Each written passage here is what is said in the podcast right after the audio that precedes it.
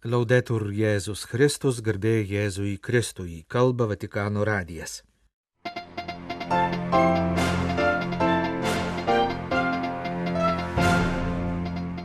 Atnaujinti bažnyčios atsinaujinimą. Apie tai popiežiaus namų pamokslininkas penktadienį kalbėjo savo pirmojoje gavėnios meditacijoje, kurios klausėsi Romos kurijos vadovai. Šventosios žemės krikščionių vadovai reikalauja nutraukti smurtą. Afrikoje vyksta žemyninė sinodo asamblėja. Pradėjo tarnystę naujas Sirijos Homso vyskupas. Toliau mūsų laidoje kalbėsime apie selovadą Ukrainoje karo sąlygomis. Šeštadienį minime Šventąjį Kazimierą. Šiemet sukak 75 metai nuo jo paskelbimo Lietuvos jaunimo globėjų. XIX amžiaus pabaigos ir XX amžiaus pradžios bažnyčios istorija mums paliko karčią pamoką, kurios neturėtume pamiršti, kad nepakartotume ją sukėlusios klaidos.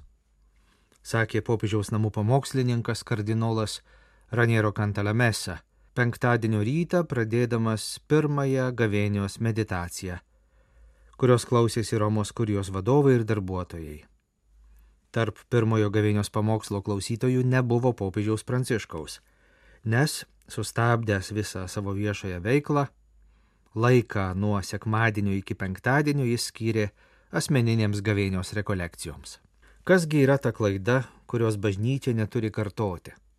Tai, pasak pamokslininko, dėlsimas ar netgi atsisakymas atsižvelgti į visuomenėje vykstančius pokyčius pakanka netgi paviršutiniško žvilgsnio į minėtą istorijos laikotarpį, kad įsitikintume, jog dėl neatsižvelgimo į tai, kas dedasi aplinkui, dėl dialogo tarp bažnyčios vadovų ir visuomenės pažangos skatintojų stokos, nukentėjo ir vieni ir kiti. Nesusikalbėjimas kai kuriuos modernistus pastumėjo į kraštutines ir galiausiai su krikščionybė nesuderinamas pozicijas, kita vertus Ir bažnyčiai tai kainavo labai daug energijos, atsivėrė negyjančios žaizdos, ji užsisklendė savyje ir pradėjo vis labiau atsilikti. Vatikano antrasis susirinkimas buvo pranašiškas mėginimas susigražinti prarastą laiką. Kardinolas Kantalamesa paaiškino, kad per ateinančius kelis gavėnios penktadienius, tęsdamas apmąstymus šią temą, jis nesigilins į Vatikano antrojo susirinkimo mokymo turinį, bet visų pirma kalbės apie metodą. Tai yra bažnyčios pasiryžimą eiti istorijos keliu kartu su žmonėje, stengiantis išvelgti laiko ženklus. Pasak pamokslininko reikia vengti ir kitos klaidos - žiūrėti į Vatikano antrąjį susirinkimą kaip tikslą, kurį pasiekus nereikia toliau eiti. Susirinkimas nesustabdė bažnyčios istorijos ir gyvenimo Nemanykite, trečiajame amžiuje rašė Origenas, kad užtenka vieną kartą atsinaujinti. Reikia atnaujinti ir patį naujumą. Ipsa novitas innovanda est. Nesustojo ir visuomenės gyvenimo raida, bet priešingai jie įgavo svaiginantį pagreitį. Pokyčiai anksčiau vykę per šimtą ar du šimtus metų, dabar įvyksta per dešimtmetį. Nuolatinis atsinaujinimas yra būtinas ir jis reiškia visų pirma nuolatinio atsivertimo poreikį. Pradedant kiekvieno atskirų tikinčiųjų ir baigiant visą per istoriją keliaujančią Dievo tauta. Kaip sako bažnyčios tėvai, eklezija semper reformanda. Kardinolas Kantalamesa paaiškino, kad šių, šį penktadienį pradėtų jo gavėnios meditacijų tikslas paskatinti suvokimą, kad šventoji dvasia yra viso bažnyčios gyvenimo, o ypač šiuo metu vykstančio sinodinio proceso šerdis. Kitaip tariant, netidėliotinai turime priimti apreiškimo Jonui knygoje skambantį prisikėlusio jo kvietimą. Kas turi ausis, te klauso, ką dvasia skelbia bažnyčioms. Kaip liudija paštalų darbai, Dievo dvasia nuo pat pradžių lydėjo bažnyčią. Pirmoji krikščionių bendruomenė jos šaukėsi priimdama ne tik svarbius sprendimus, bet ir tvarkydama mažiau svarbius reikalus.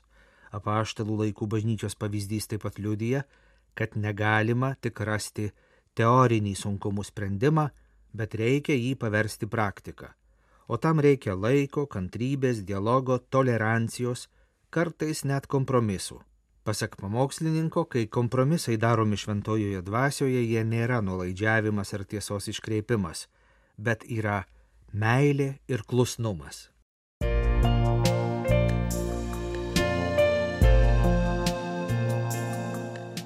Jūs klausotės Vatikano radio. Tęsėme žinių laidą lietuvių kalba.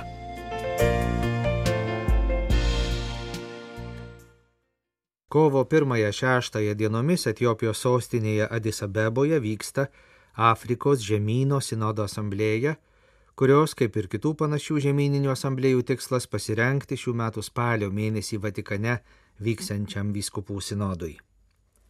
Etijopijoje vykstančioje asamblėjoje dalyvauja 200 delegatų ir delegačių, 80 pasauliečių, 32 kunigai, 16 seserų ir brolių vienuolių, bei 23 vyskupai ir kardinolai iš visų žemynų šalių. Į susitikimą taip pat pakviesti kitų krikščioniškų konfesijų, musulmonų ir tradicinių Afrikos religijų atstovai. Tai šeštasis iš septynių žemyninių sinodo proceso susitikimų.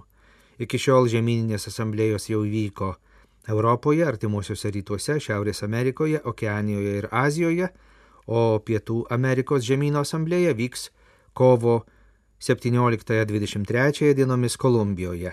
Biskupų sinodo generalinė asamblėja vyks Vatikane šių metų spalio 4-29 dienomis, o po metų numatyta dar viena generalinė asamblėja.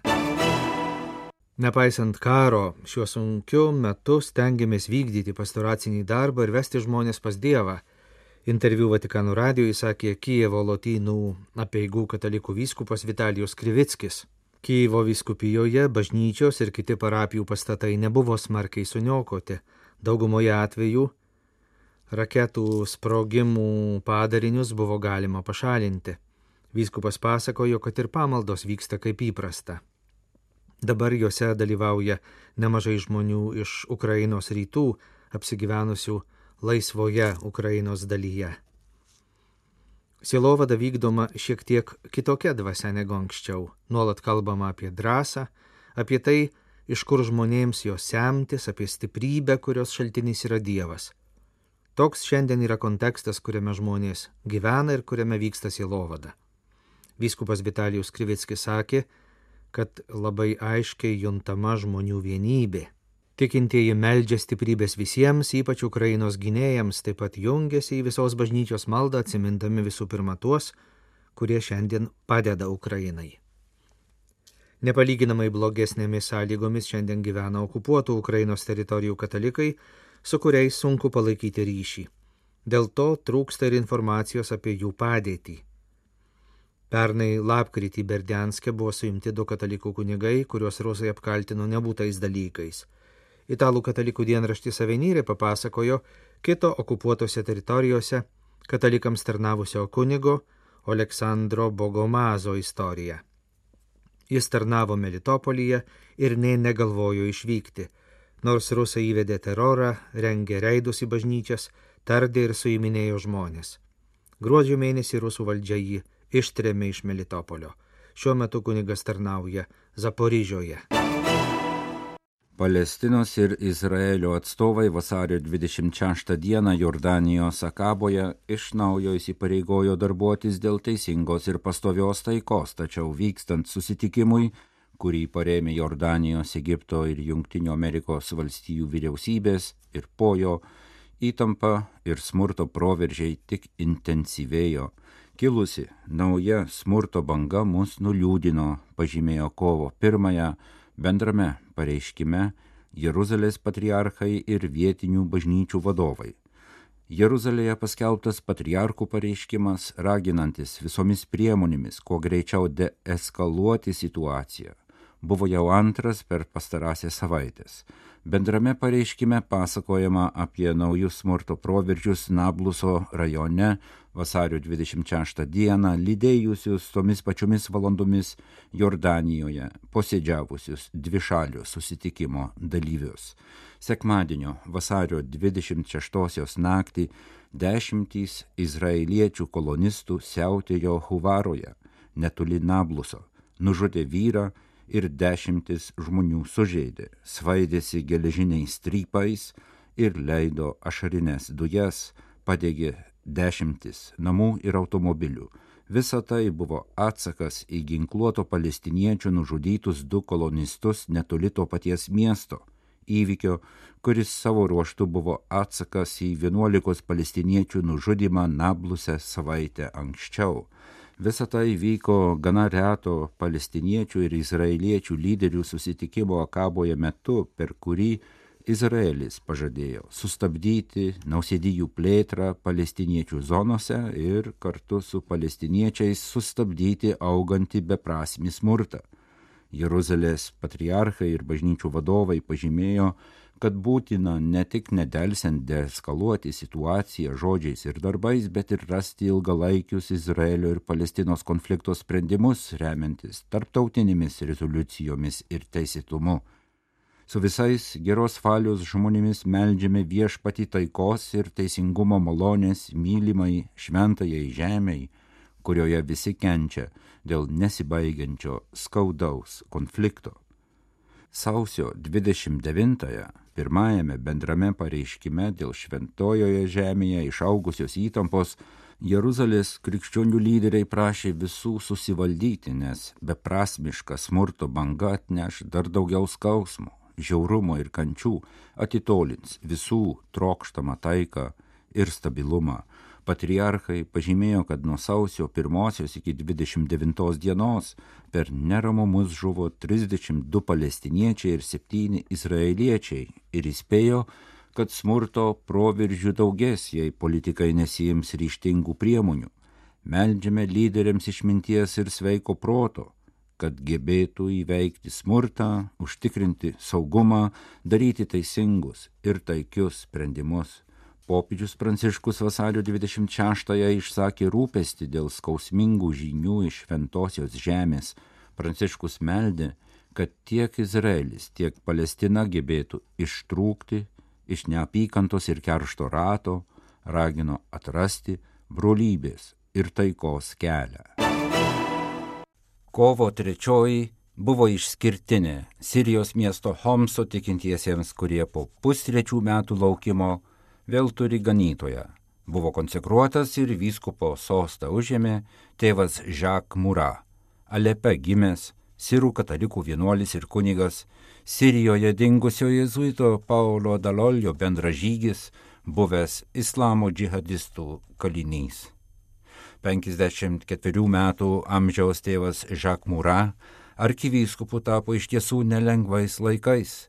Galima pasitelkti italų misionieriaus jėzuito Anatolijos apaštalinio vikaro liūdną palyginimą po neseno apsilankimo Sirijoje, pasak jo, po dešimties metų karo Sirijoje.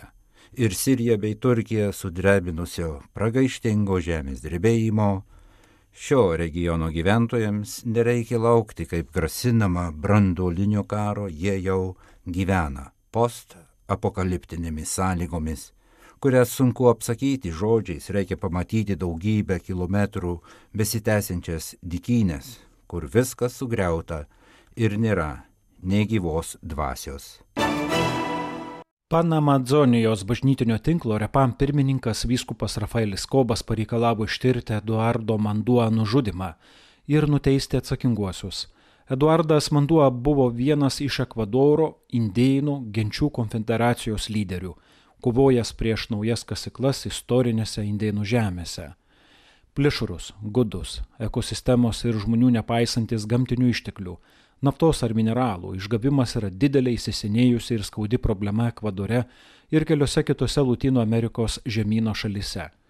Gamtiniai ištekliai išgaunami taršiais metodais, nevengiama greuti ar naikinti gamtos turtus ir vietos indėnams sakrales vietas, pačius žmonės neretai grubiai išvejant kitur.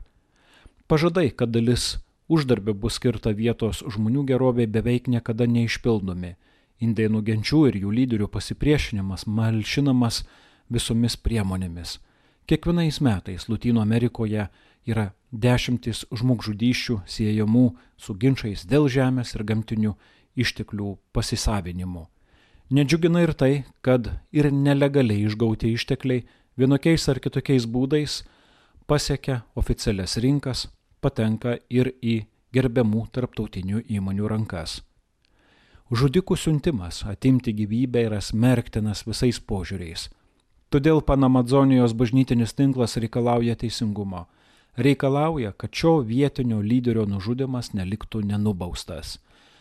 Po Eduardo Manduo žudies pareiškė tinklo pirmininkas vyskupas Rafaelis Kobas. Jo vadovaujamas tinklas jau nuo seno yra indėnų sąjungininkas ir užtarėjas. Nacionalinės ir tarptautinės ekonominės operacijos, kurios daro žalą Amazonijai ir kuriomis nepaisoma pirminių tautų teisės į teritoriją ir jų ribų, apsisprendimo ir iš ankstinio sutikimo, turi būti vardintos taip, kaip jos nusipelno - neteisybė ir nusikaltimas. Po sinodinėme paraginime Kverida Amazonija rašė popiežius Pranciškus.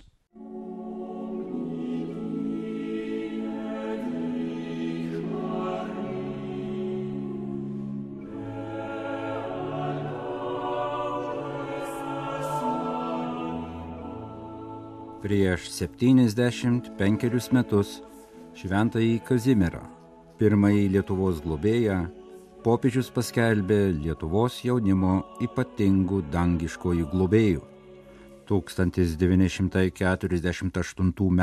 apaštališkai laišką Pijaus XII vardu pasirašė jo būsimas įpėdinis ir šventasis monsignoras Giovanni Batista Montini, popiežius Paulius VI. Pijus XII 1948 m. laiške pažymėjo, kad mielai pritarė Lietuvos vyskupų daugelio piliečių vardu pateiktam prašymui ir apaštališkąją gale amžiams patvirtino, paskyrė ir paskelbė šventąjį Kazimierą išpažinėję viso Lietuvos jaunimo ypatingų dangiškojų užtarėjų pas Dievą. Šis šaunusis jaunuolis, kuris sulaukęs vos 25 metų baigė šventą ir garbingą savo gyvenimą, akivaizdžiausiai parodė, ištikimą meilę apaštulų sostui ir katalikų tikėjimui, nes jis tėvynėje energingiausiai mėgino naikinti klaidą tikystės nuodus, buvo atsidėjęs Dievo motinos Marijos gerbimui, per visą gyvenimą sugebėjo likti nesuterštas, jokių begėdystės purvu, todėl tikrai yra vertas pelnytai ir pagrįstai būti keliamas Lietuvos jaunuomeniai kaip kilnus pavyzdys. Labai svarbu, kad šventojo Kazimiero gerbimas tolydžio auktų ir galėtų jaunimui atnešti vis gausesnių šventumo bei aukščiausiojo paguodos vaisių, pažymėjo paštališkajame laiške garbingasis Dievo tarnas popiežius Pijus XII. Apaštališkasis laiškas dėl šventojo Kazimiero skirimo Lietuvos jaunimo ypatingų dangiškojų globėjų 1950 metais paskelbtas oficialiuose apaštulų sosto žiniuose Akta Apostolice sėdis. Kalba Vatikano radijas. Laidą lietuvių kalba baigėme. Garbėjai Jėzui Kristui, laudetur Jėzus Kristus.